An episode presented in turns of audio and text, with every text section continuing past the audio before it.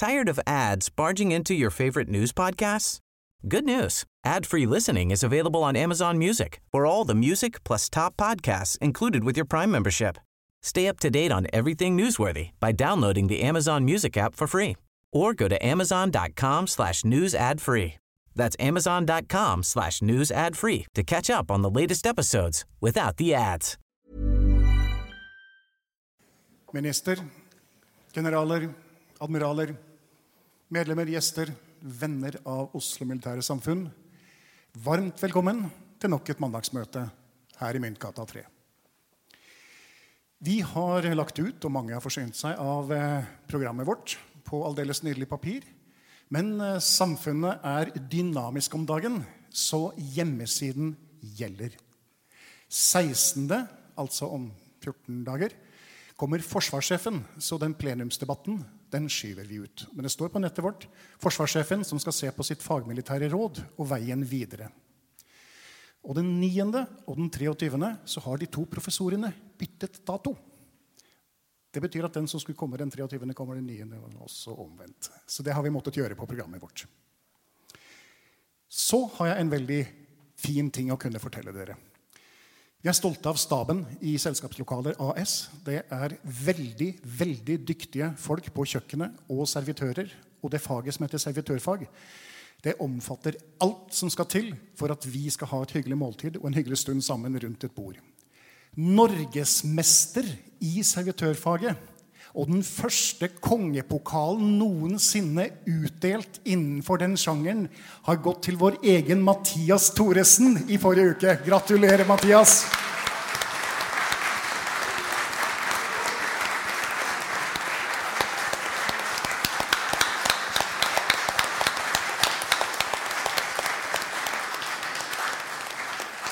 Og det er så fortjent.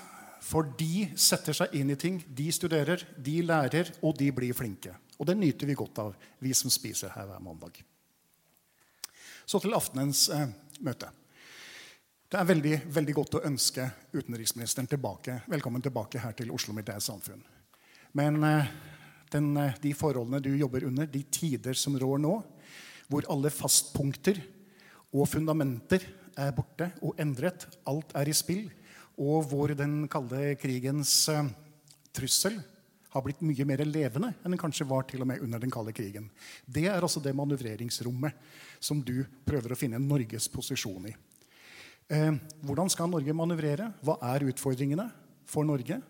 Det er det utenriksministeren er eh, invitert hit for å eh, fortelle oss litt om i dag. Så minister, talerstolen er din.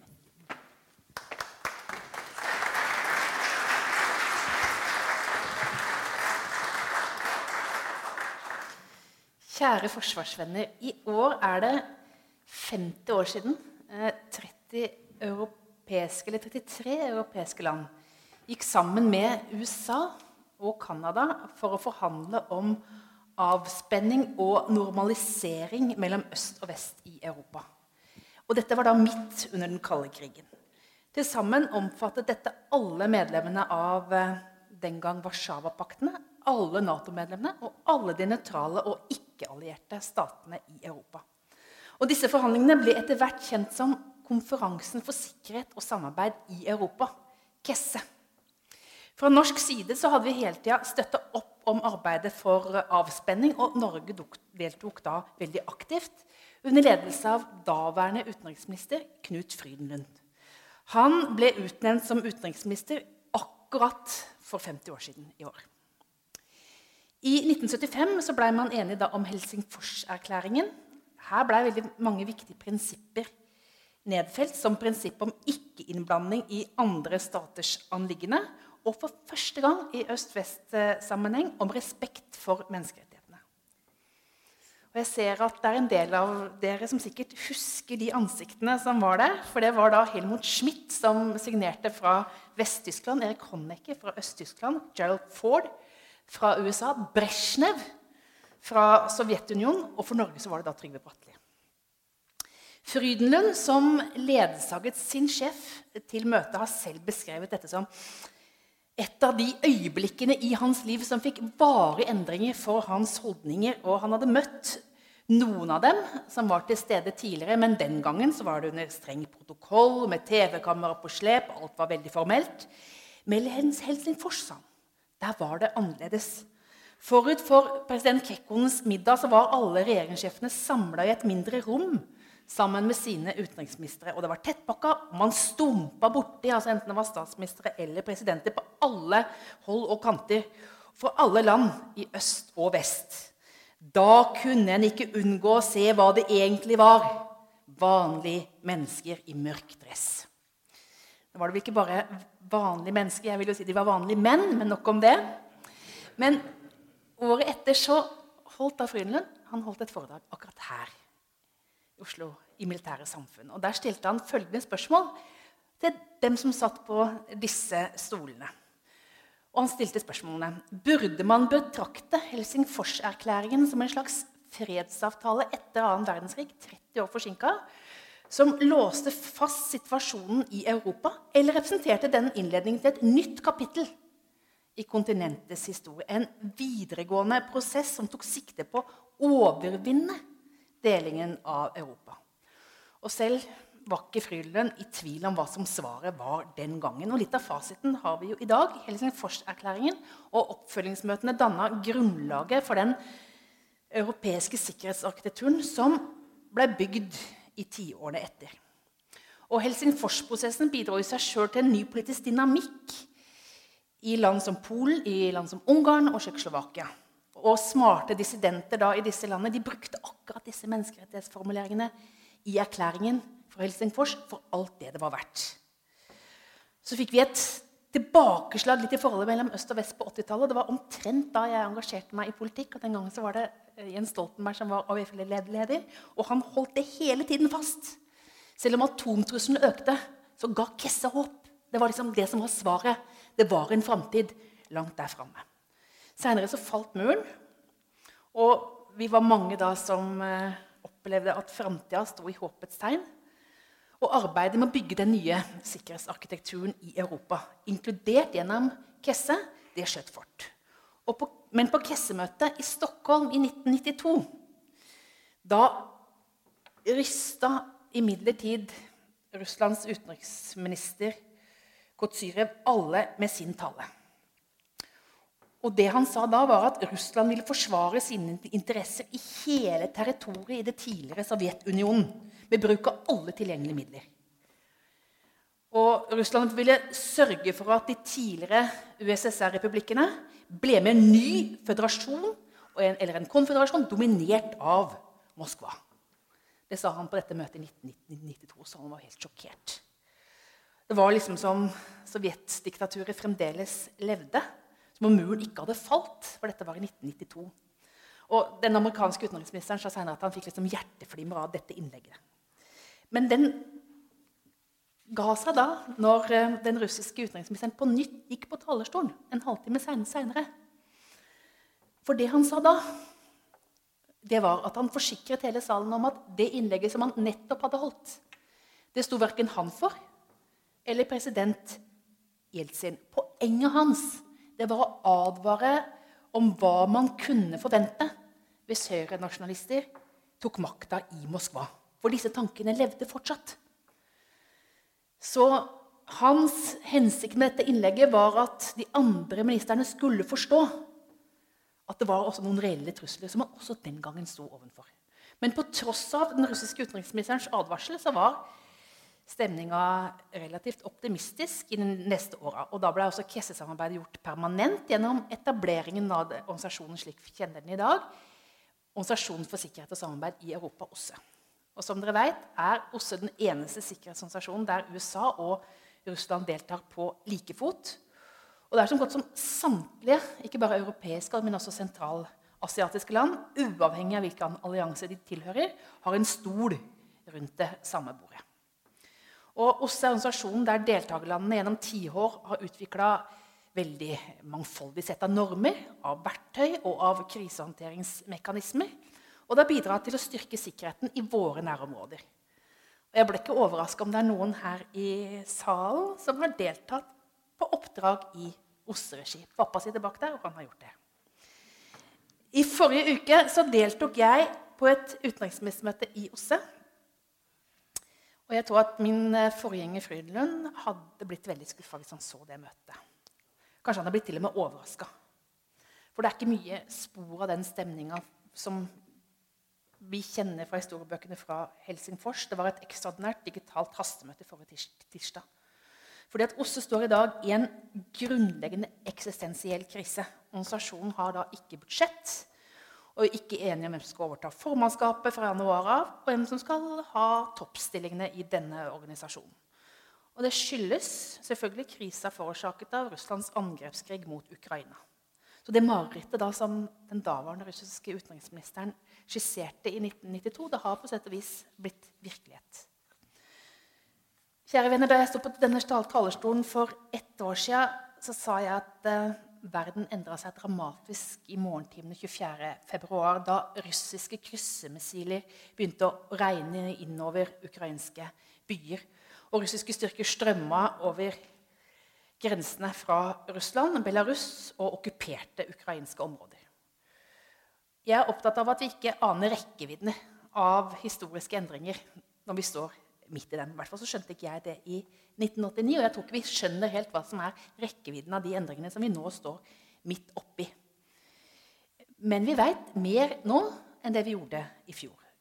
For den første fasen etter den fullskala invasjonen den var jo prega av krisehåndtering. og Russlands angrepskrig det truer jo våre nasjonale interesser. Og Ukrainas kamp ble også vår kamp. Og vi snudde oss veldig raskt for å kunne hjelpe ukrainerne. Og etter fire dager med fullskala invasjon og etter veldig tett koordinering og mange samtaler, enten det var med den eh, svenske eller den finske både utenriksministeren, statsministeren og presidentens i Finland, så bestemte vi oss da for første gang siden Cuba å sende våpen til et land i krig. Og siden da har lista med både donasjoner og økonomisk bistand vokst i historiske dimensjoner. Nå støtter absolutt alle de politiske partier på Stortinget disse donasjonene. Både militært og humanitært. I dag har vi gått over i en litt annen fase. Det er tydelig at nye, den nye sikkerhetspolitiske virkeligheten er noe vi må håndtere for lang tid framover.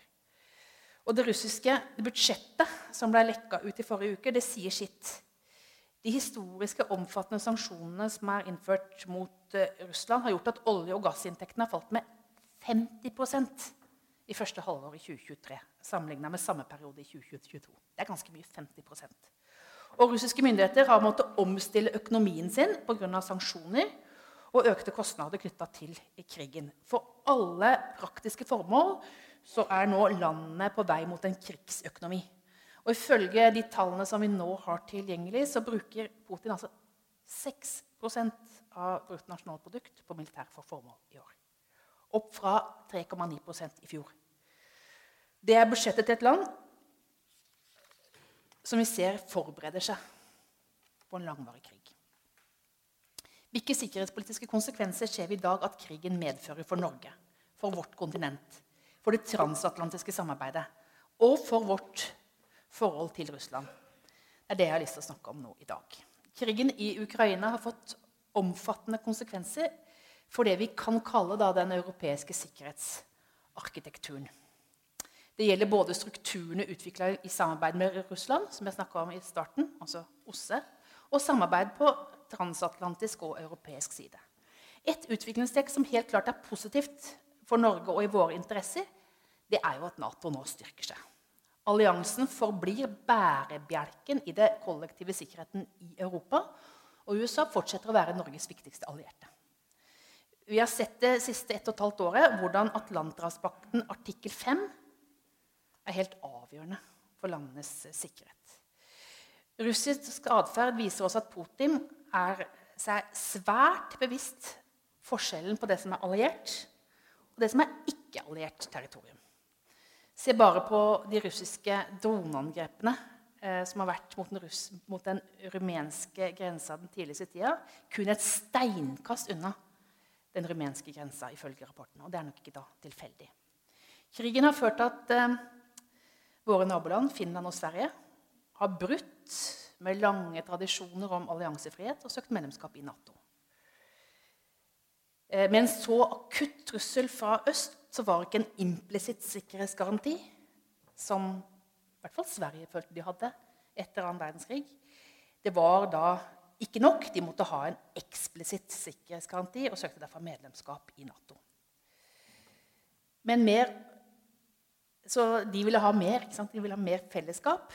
Og Finland ble da med i Nato eh, på NATO sin 74-årsdag. Eh, det markerte vi da vi hadde utenriksministermøte i Brussel. Og har blitt da 31. medlemslandet i Nato, og Sverige står like om døren. For en regjering er dette den viktigste oppgaven, sa Knut Frydenlund. Vi kan ikke eksperimentere med vårt lands egen sikkerhet. Og vi skal fortsatt å være en lojal vi skal være en pålitelig alliert. Og Derfor har vi beslutta at Norge skal oppfylle Natos mål om 2% av bruttonasjonalprodukt, og at det skal gå til forsvar innen 2026. Og Vi er nødt til å fortsette å styrke arbeidet med forsvar og beredskap i årene som kommer. Og Vi ser at også landene omkring oss gjør det samme. En rekke europeiske land styrker eh, sitt forsvar. Polen, Storbritannia, Frankrike, Tyskland, Sverige, for å nevne noen. Altså de bruker en større del av inntektene sine på forsvar enn før.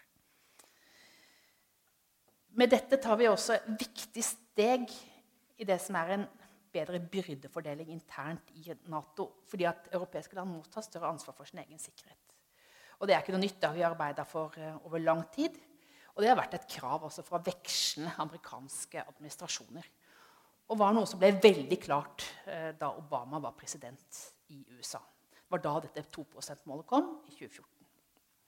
Og det er nå bredt akseptert at Nato spiller en helt avgjørende rolle i transatlantisk sikkerhet og at EU verken kan eller skal bygge opp en konkurrerende struktur. Og jeg mener at eh, denne krigen har ført til at det er blitt en mer avklart forhold på hva som er EUs oppgave, og hva som er Natos oppgave. 80% av Natos totale forsvarsutgifter dekkes av land som står utenfor EU. Men krigen i Ukraina har demonstrert at EU spiller en kjerne, altså en nøkkelrolle i samarbeidet og handlekraftigheten i Europa. Og vi har eh, sett et EU som har funnet sin plass i dette samarbeidet. Og EUs sikkerhetspolitiske verktøy har vist seg å være svært, svært nyttig for å kunne håndtere denne fullskala invasjonen. F.eks. Eh, når det gjelder innføring av økonomiske sanksjoner. Et annet eksempel på samarbeidet er militær bistand gjennom den såkalte europeiske fredsfasiliteten. Want flexibility? Take yoga. Want flexibility with your health insurance? Check out United Healthcare Insurance Plans. Underwritten by Golden Rule Insurance Company, they offer flexible, budget friendly medical, dental, and vision coverage that may be right for you. More at uh1.com. Ryan Reynolds here from Mint Mobile. With the price of just about everything going up during inflation, we thought we'd bring our prices down. So to help us, we brought in a reverse auctioneer, which is apparently a thing. Mint Mobile unlimited premium wireless. Ready to get 30, 30, bit to get 30, bit to get 20, 20, 20, bit to get 20, 20, bit to get 15, 15, 15, 15 just 15 bucks a month. So, Give it a try at mintmobile.com/switch. slash $45 up front for 3 months plus taxes and fees. Promo rate for new customers for limited time. Unlimited more than 40 gigabytes per month slows. Full terms at mintmobile.com. Og det er en mekanisme som EU bruker ved militære donasjoner fra medlemslandene i EU til Ukraina. Og det har vist seg å være en veldig, veldig effektiv kanal. Og dette utgjør i dag den breieste multilaterale ramma for militær støtte til Ukraina. Og vi har samarbeidet veldig tett her. Vi har også fått en klare arbeidsdeling mellom Nato og EU. Nato er og blir det militære samarbeidet. Så vi har ikke to måte, militære kommandostrukturer. Samtidig er det blitt tydeligere at EU og Nato kan utfylle hverandre og at et nært og gjensidig partnerskap mellom institusjonene er en stor, stor styrke for den transatlantiske sikkerheten. Så har vi da felleseuropeisk samarbeid om forsvarsanskaffelser. Og ikke minst da, det som blir viktigere og viktigere, er industrielt samarbeid. og Det har jo fått en ny fart. Og her er det helt åpenbart da, at det er i norsk interesse å være med. Og med Finlands og Sveriges inntreden i Nato så blir 23 av 27 medlemsland i EU være Norges da allierte i Nato. Det er altså mer EU i Nato og mer Nato i EU. Og Det tror jeg på mange måter er bra og vil kunne påvirke samarbeidet mellom disse to organisasjonene i en positiv retning. En enda tydeligere da, ansvars- og arbeidsfordeling vil tvinge seg fram. Kjære venner, Russlands brutale krigføring har hatt omfattende negative konsekvenser for det samarbeidet som vi har vært en del av med Russland i nord. For to uker siden fikk jeg da brev fra min kollega utenriksminister Sergej Lavrov. og Han meddelte at Russland nå har beslutta å trekke seg fra Barentsrådet. Barentsrådet, som da ble etablert da Knut Frydenlund var utenriksminister for 30 år siden, og som skulle danne grunnlaget for samarbeid og normalisering av formålet mot Russland. Nå trekker da Russland seg ut. Og Det er en beslutning som står fullt og helt på for Russlands regning. Og nå er vi i gang med å diskutere konsekvensene med det som er det finske formannskapet og med de andre medlemmene. Samarbeidet som vi har hatt med Finland innenfor Barentsrådet nå, har fungert godt ut til Russland, og vi har styrket samarbeidet i det som egentlig helt har fått sitt navn ennå. Noen kaller det nord, i samarbeidet Nordkalotten, og noen bruker det nye ordet Nord-Norden. Men det får vi finne ut av seinere. Men i hvert fall så skal vi bygge dette. For det er såpass mye samarbeid som vi kan styrke i de nordlige områdene. Mange, vi sliter jo mye med de samme utfordringene når det gjelder fraflytting. Vi må få mer næringslivssamarbeid og mer samarbeid mellom kommunene i disse områdene. Um, også andre samarbeidsarenaer er påvirka av Russlands krigføring mot Ukraina. Og for Norge er jo det veldig viktig dette samarbeidet i Arktisk råd. Og der tok vi over lederskapet i Arktisk råd i mai.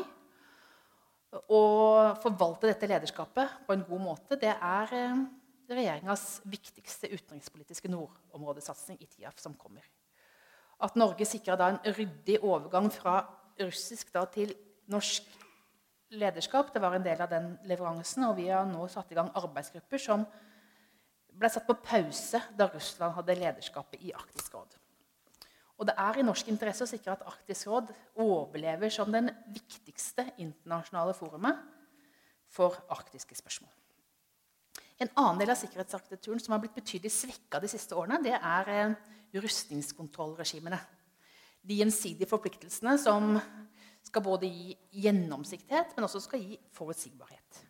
Her har vi sett altså en gradvis for, forvitring over tid, også i årene før invasjonen av Ukraina.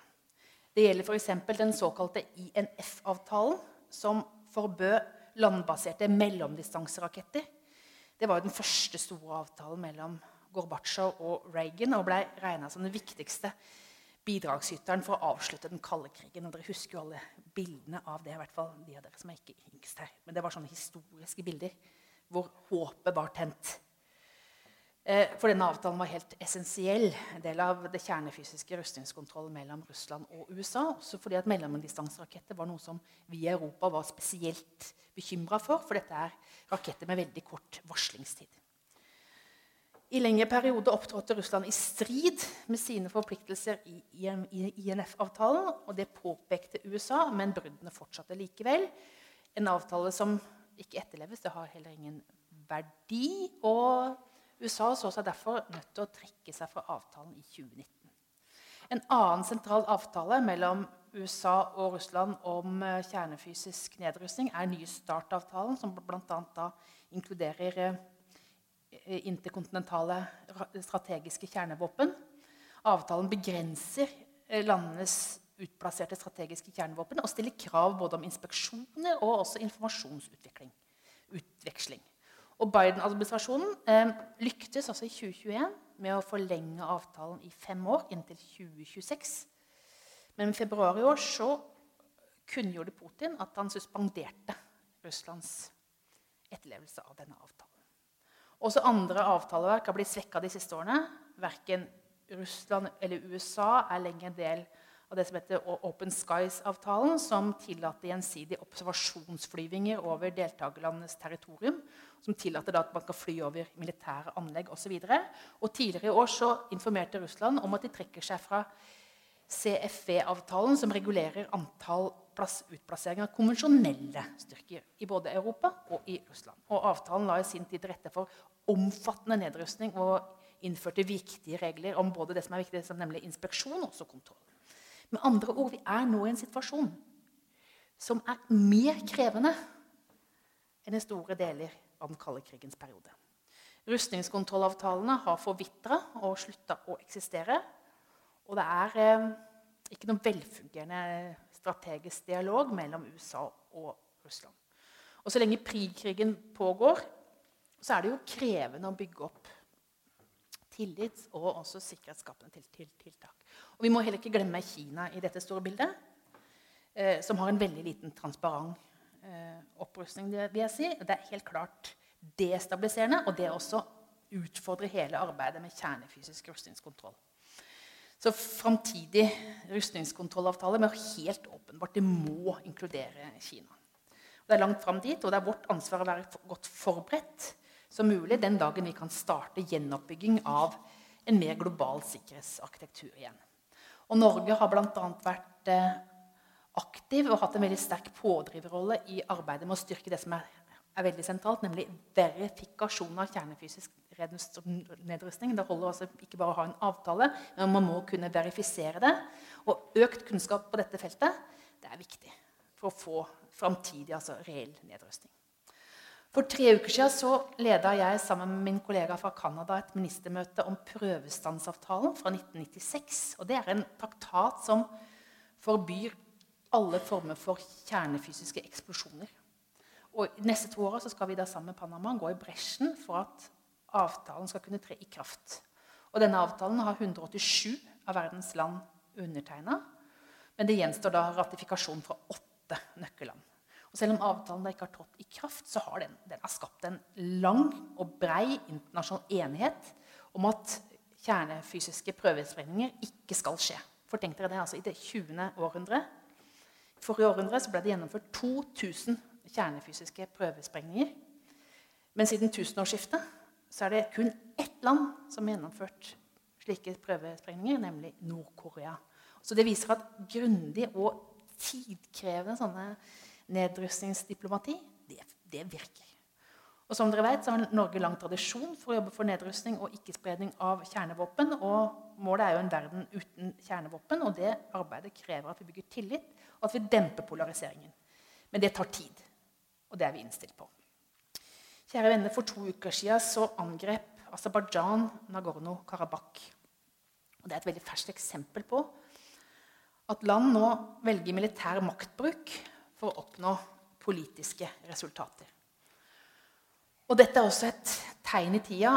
Armenia, Armenia kunne ikke støtte seg på det som var deres tradisjonelle sikkerhetsgaranti, som det de hadde fra Russland. Og som jeg fikk høre da jeg var i Armenia for ca. et år siden Det er stor risiko for Armenia enten hvis eh, Russland er sterkt, men også hvis Russland er svakt. Så begge deler representerer en utfordring for dem. Så eh, det er viktig at vi slår ned på brudd på det som er territoriell integritet, uansett hvor det skjer i verden. Og jeg skal etter dette møte ha en samtale med min kollega fra Armenia. Forholdet mellom Russland og Norge er i dag på et minimumsnivå. Men dere, en skadeskutt bjørn er ikke mindre farlig er ikke en mindre farlig bjørn. For vi har å gjøre da med en eh, farligere nabo enn før. Så til tross for at de har mindre konvensjonelle styrker langs den norske grensa for de er i bruk i Ukraina, så kan de likevel være farligere for oss. En nabo som krever da retten til å dominere i sin nabolag, og som tar veldig høy risiko, og som kun bryr seg om folkeretten dersom det er i deres interesse. Også på hjemmebane så utvikler Putin-regimet seg stadig mer da, totalitær og autoritær retning. Tenk dere dette. Om to dager så fyller Putin 71 år. Han ble født under Stalin, gikk på barneskole under Khrusjtsjov, begynte på universitetet og i KGB under Brezjnev. Og han dro til Øst-Tyskland som etterretningsoffiser under Gorbatsjov. Dagens unge russere de er født under Putin, de gikk på barneskolen under Putin, de gikk på universitetet under Putin, de tok det første steg på arbeidsmarkedet under Putin.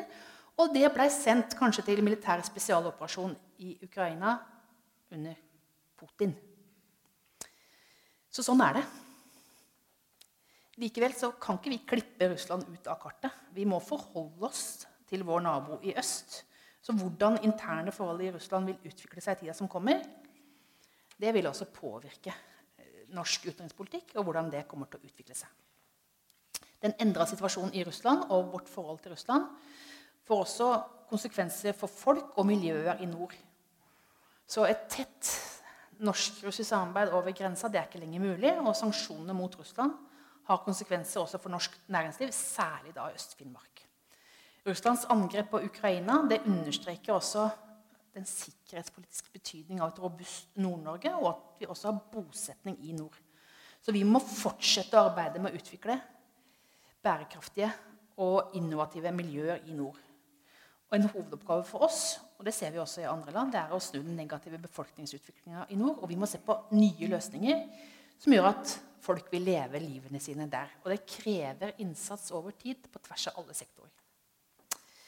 Siden den kalde krigen så har Norges sikkerhetsstrategi bygga på en, en kombinasjon av avskrekking og beroligelse overfor Russland.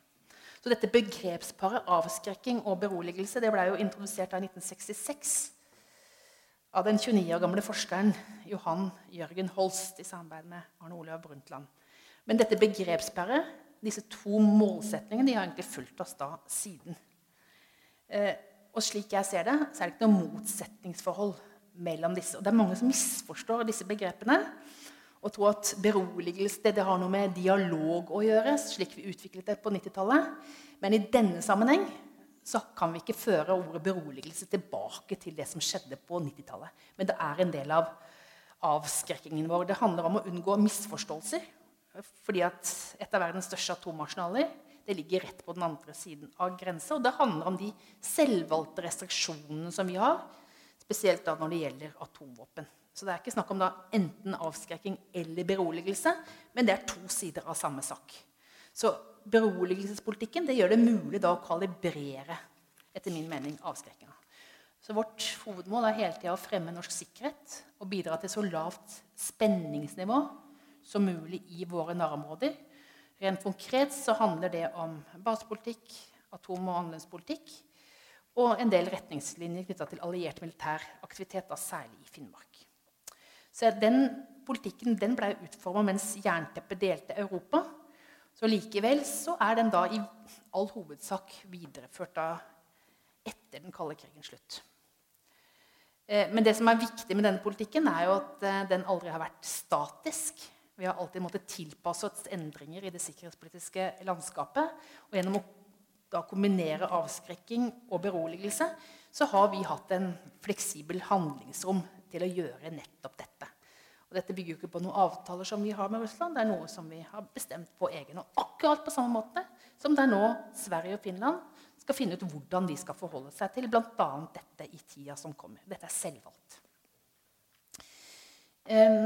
Så Det har tidligere slått fast denne politikken ikke på noen som helst måte står i veien for allierte styrker. Og nettopp fordi vi har politikken som vi har, så er vi nødt til å ha mer trening og ha mer øvelse. Vi må forberede oss også i fredstid. fredstid. Så Den politikken har etter min mening tjent oss godt, og den tjener oss fortsatt godt. Da Finland bestemte seg for å søke Nato-medlemskap, så forklarte president Ninestø det finske valget med at ethvert land maksimerer sin sikkerhet gjennom en til enhver tid tilpassa kombinasjon av avskrekking og beroligelse, så gjør nettopp Norge det. Vi maksimerer vår egen sikkerhet. Vi skal naturligvis ha en sterkere tilværelse militært i nord. Men vi må være forberedt på at ting kan endre seg raskt, også i våre nærområder. Og derfor følger vi veldig nøye med på det som er russisk aktivitet i nord. Og vi øker tilstedeværelsen, styrker Forsvaret. Vi koordinerer nå enda tettere med allierte. Og vi vil fortsette å støtte Ukraina så lenge de trenger det.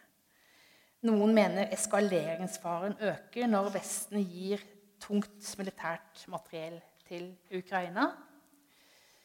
Men som jeg understreker hver gang jeg blir stilt det spørsmålet, faren for eskalering er jo mye mye større hvis det rakner for Ukraina. Kjære alle sammen, Jeg innleda med Knut Frydenlunds fortelling fra undertegning av Helsingforserklæringen i 1975. Rett før USAs president da skulle holde sin tale i plenum, satt han sammen med sin utenriksminister Henry Kissinger. Og Ford ønsket noen justeringer da i talen. Og han ga en, da en lapp til Kissinger, og der står det Do we need to place East and West in confrontation? Why not amplify hope? Og sånn blei det. Og det er kanskje ikke noe håpefullt budskap da, som har vært den røde tråden gjennom min tale i dag. Men jeg håper dere sitter igjen med dette. Det sikkerhetspolitiske landskapet er i endring. Men Norges sikkerhetspolitiske kompass det forblir det samme. Geografien består. Forholdet til vårt største naboland er vanskeligere. Men våre nærmeste naboer i Norden har kommet enda nærmere oss. Så vi skal fortsette å samarbeide med våre, med våre allierte, med våre partnere, for vår sikkerhet og for de verdiene som vi tror på. Takk for oppmerksomheten.